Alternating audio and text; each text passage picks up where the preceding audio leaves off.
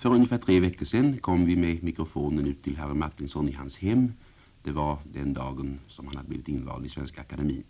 Han eh, berättade då om sig själv och om sitt liv och gav en ganska intim självbiografisk skildring.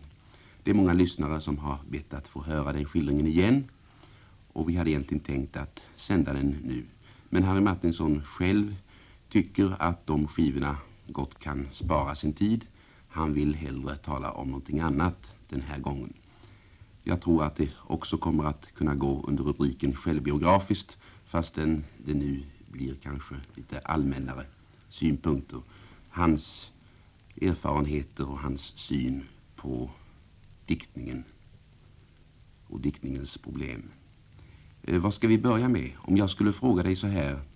Tror du att eh, dikten kan bli någon gång fullkomlig, kan ge ett restlöst, ett eh, fulländat uttryck för diktarens eh, upplevelser av världen och syn på verkligheten? Nej, det tror jag inte att eh, dikten någonsin kan bli fullkomlig i den meningen.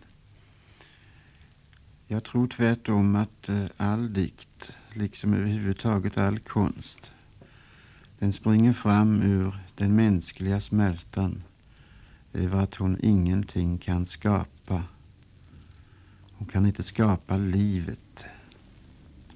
Och då uppstår konsten såsom speglingen av den smärtan över att hon inte kan det. Det fanns på 1700-talet, eller i mitten av 1700-talet i Danmark, en biskop som hette Brorsson. Han var biskop i Ribestift och en av hans mest bekanta salmer i den lyder en vers så här. Gick alle konger fram på rad i deras makt och välde. De mäktet ej det minste blad och sätte på en nälde. Jag tycker att det är en av de mest träffande saker som har sagts. Inte bara om det mäktiga i världen, utan också om människan överhuvudtaget. Och särskilt då om konstnären. Vi kan inte skapa en blomma sådan den är på ängen. Ja, vi kan inte ens sätta ett blad på en nässla. Men just därför att vi inte kan det så finns vår strävan. Vore allting möjligt för oss då skulle vi inte sträva utan då vore vi i alla möjligheters centrum på en gång. Det är just i kraft av vår ofullkomlighet som vi gör konst som vi diktar, som vi försöker att återge det vi förmår återge.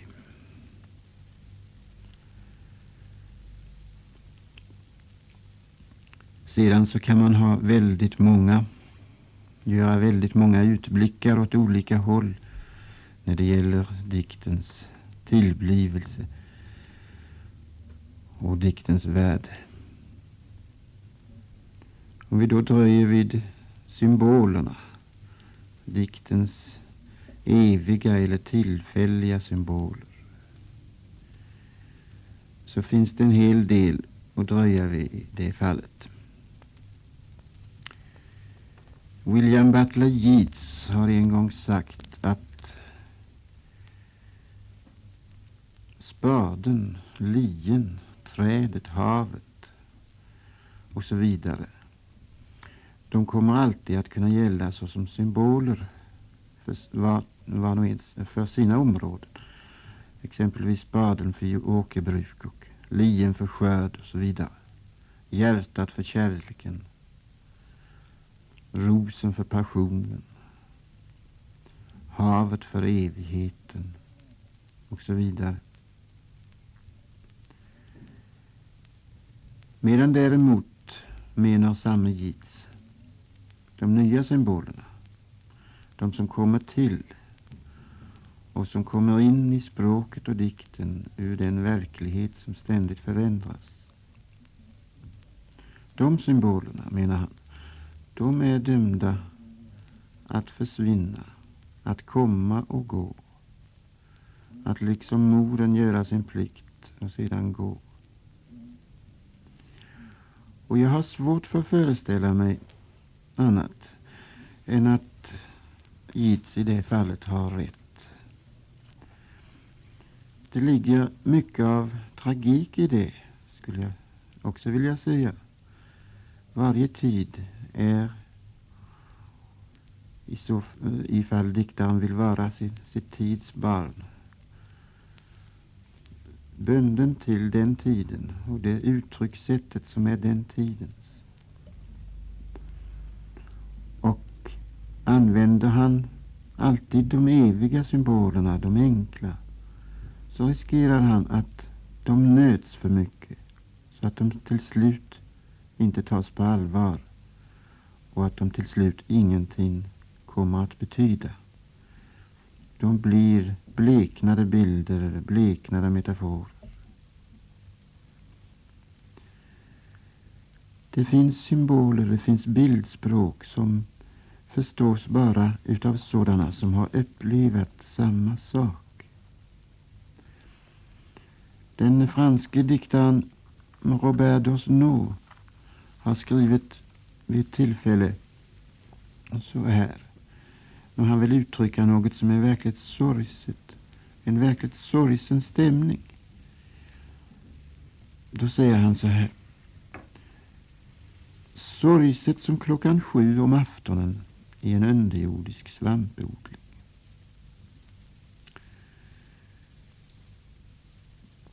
Jag tycker att det är en underbar rad. Sorgset som klockan sju om aftonen i en underjordisk svampodling. Jag tycker det är underbart därför att jag har en gång arbetat i en underjordisk svampodling och eh, vandrat ikring där inne och sett hur champinjonerna växte i långa underjordiska tunnlar. Det var i Frankrike. Och på var hundrade meter ungefär där inne så lyste det en liten lykta med ett sorgset rött sken. Särskilt klockan sju om kvällen när skymningen var definitiv så tyckte man att något sorgsnare kunde inte gärna tänkas i stämningsväg än när dessa små blyga champinjoner stod lutade mot varandra i oändliga rader på dessa smala torvströbankar. Nätt och jämnt så ljust var det att man kunde se dem. Och den ena lyktans ljus nådde nätt och jämnt fram till den andras. Det var verkligen en sorgsen stämning. Och Desno hade träffat rätt och riktigt. Men det var få som kunde helt och hållet förstå bilden. Det var mycket få som förstår den bilden tror jag. Det, jag skulle tro att om man gjorde en omröstning så skulle väl kanske en procent förstå bilden och 99 procent skulle tycka att det var rena dådikten. Men det ser vi hur det ser vi en av svårigheterna. Hur nära ska man träda verkligheten? Hur nära ska man träda tiden? Och de lokala förhållandena och så vidare. När man diktar. Det krävs ibland ett avstånd för att dikt ska kunna bli dikt. Det tycks vara ödesbundet på något sätt. Det där. Du talade om de nya symbolerna. Du har ju själv till exempel använt skördemaskinen.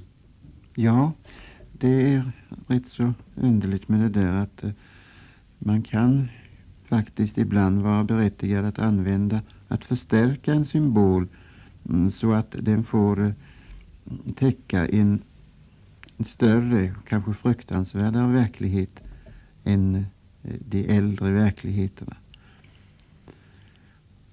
Redan i de gamla krigen, när det skrevs om dem, så talade man ofta om att soldaterna föll som gräs för ligen.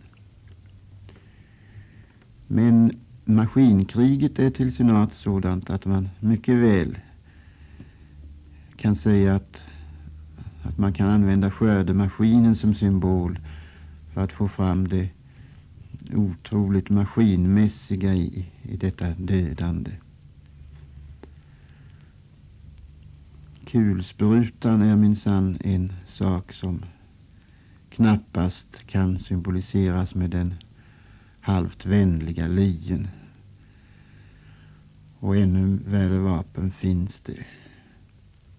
Varje tid bör således verkligen förstärka symbolerna eller förändra dem så att dikten har kontakt med sin tid. Ja, där är vi väl inne på frågan om realismen. Ja, det är vi. Vi är inne på frågan om realismen. Och då skulle jag vilja säga det att eh, om realismen eh, kan man ha lika många meningar som det finns verkligheter. Eh, mot varje realism svarar på något sätt en sorts motrealism. Och ibland så tycker man så här att sanningen den är faktiskt inte entydig när det gäller eh, perspektiven. Sanningen eh, i sin totalitet den är och måste väl vara sanningen om alla perspektiven, alla synpunkterna.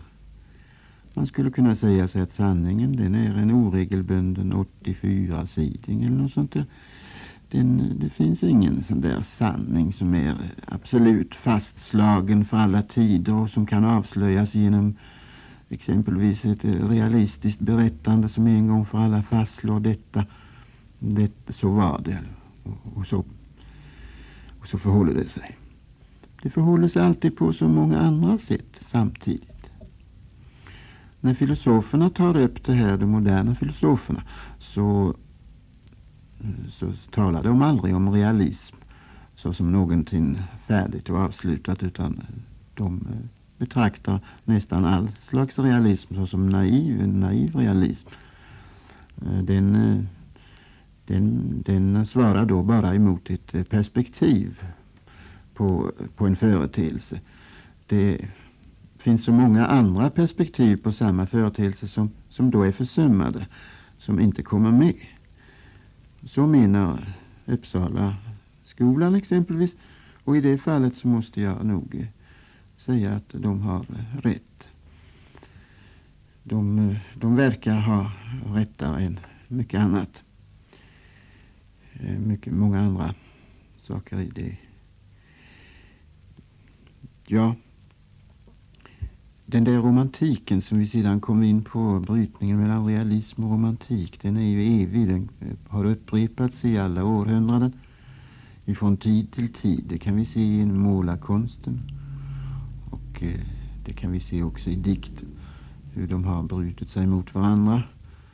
Och därefter, efter, efter en realistisk epok har det alltid kommit en epok då de han har velat haft mm, naturen mera, mera förskönad. Man har velat haft andakten, eh, and, fram andakten inför naturen. Man har också velat haft fram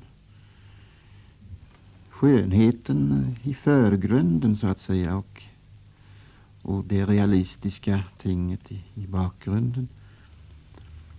Detta är ett spel mellan krafter. Ibland kan de missbrukas och ibland kan de brukas rätt symboler lika väl som olika konstarter och olika konstgrepp. De är att likna vid en brottningskamp mellan krafter, liksom brottaren använder sig av det ena än det andra greppet som kan betraktas som ett konstgrepp i sin art. Så använder sig människorna också av konsten såsom vapen, åsikterna emellan. Det kan vi aldrig komma ifrån alltså. Därför att språket är ett verktyg och därmed blir också dikten ett verktyg för den mänskliga kampen, den mänskliga strävan och de mänskliga åsikternas brytning emot varandra.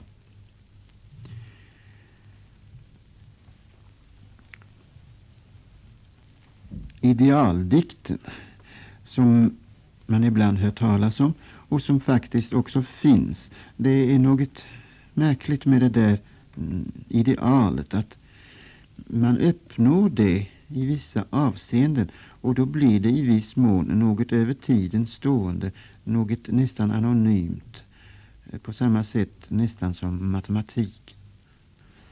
Jag tänker på en dikt som Tegnérs Det eviga.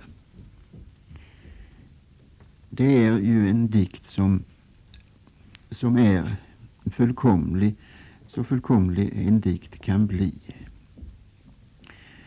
Annars brukar jag när jag talar om fullkomlighet och dikt eh, skilja mm, på de här sakerna mm, på så sätt att jag säger att fullkomligheten den når vi aldrig och skulle vi nå den så skulle det bli ointressant. Mm, jag brukar rita en cirkel och så säger jag så här. Ja, en cirkel den kan inte vara fullkomligare än den redan är såsom cirkel betraktad. Den kan inte bli cirkligare än en cirkel. Eh, den har sitt fullkomliga mått och, och, och där finns inget att tillägga till det. Om vi nu inom denna cirkel tar den som bild och inom denna cirkel placerar det mänskliga fullkomlighetskravet eller fullkomlighetssträvandet så finner vi det att det är inte i, i fullkomligheten som sådan som människans eh, tragiska storhet eh, uppenbarar sig utan det är snarare i ofullkomligheterna där de är flätade med strävandena till fullkomlighet. Där blir de spänningarna som skapar det stora dramat människan och där blir de spänningarna som skapar det som griper oss i konsten. Det, det visas ofta att eh, habila, habila konstnärer de bländar men de bländar bara i några timmar. Man kan inte återvända till dem. Man har ingen känsla av denna Jakobsbrottning med materien som dock är människans storhet att att hon, att hon genomför eller fortsätter. Det, medeltidens konst är ofta så gripande just därför att man ser att de som, de som gjorde den, de var inte habila. Det, det föll sig inte så förfärligt lätt för dem att framställa den. Dels hade de primitiva verktyg och dels hade de kanske ofta eh, färger som var mycket dyra. De var, måste spara på dem. Tänk på Rembrandt som måste spara på blått. Därför att på den tiden använde de bergblått och det var mycket dyrt. Han måste spara på blåa färger.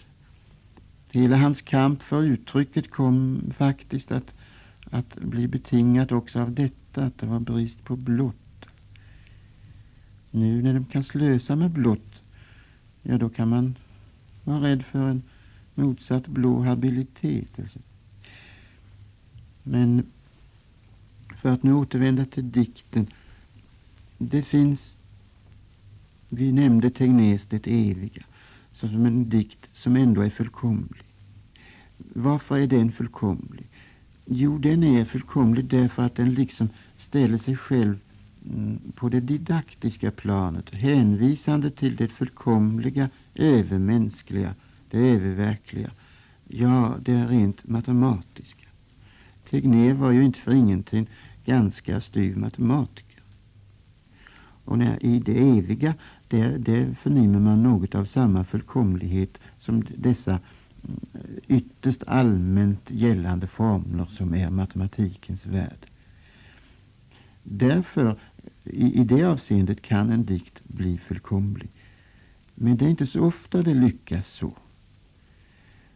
Eh, det bästa utav Tegnér, det vill säga det som värmer mig allra mest, utan att vara det fullkomligaste, det är ett par rader i Flyttfåglarna där han säger När hararna vitna och rönndruvan glöder.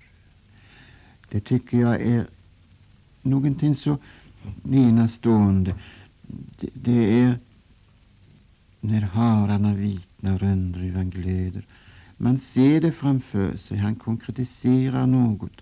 Men sam, samtidigt finns det ett lyriskt, ett lyriskt rus, ett verkligt rus bakom. Han har berusats utav sina egna ord men också av den verklighet som de orden täcker.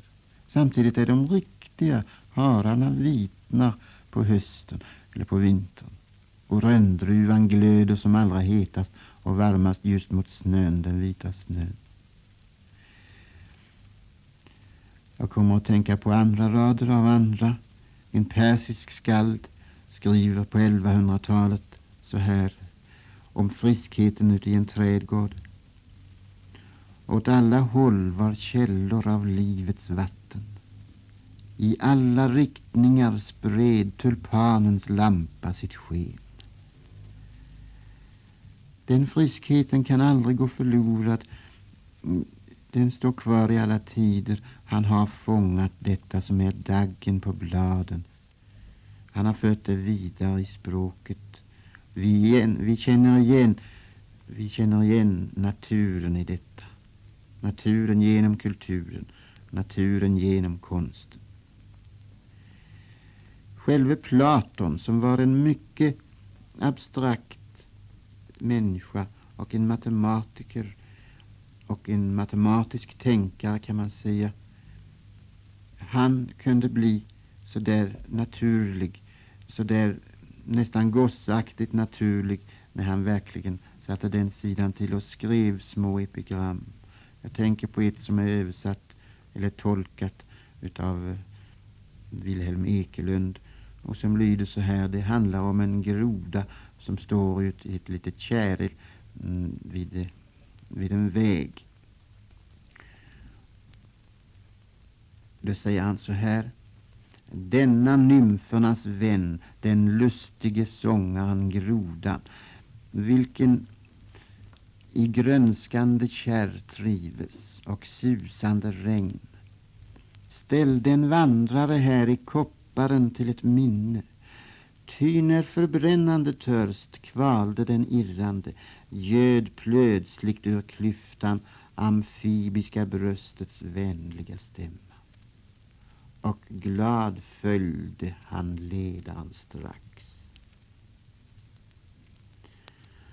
Jag kommer att tänka på en annan dikt som jag också minns utan till som visar att i alla tider har människorna varit så lika det mänskliga, var gång det mänskliga, enkla, innerliga kärleken till naturen och till livet, så att säga livets upptäckt på nytt, var gång det har framställts så har det blivit lika friskt och man kan föra det från tid till tid.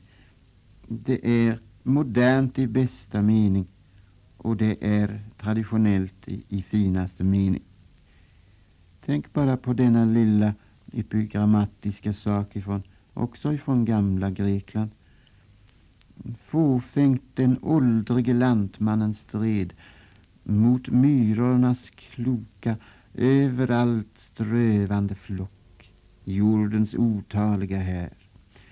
Vredgad han ställde sitt fat med den doftande honungen ned i vatten och trodde sig så fienden kvitt till sist. Men ack, den begärliga magen är rik på uppfinning. I vattnet lade de stumpar och strån sluga myrornas folk. Och så seglade de på den gungande färd bort över vågens oändliga ban hän till det sköna fat.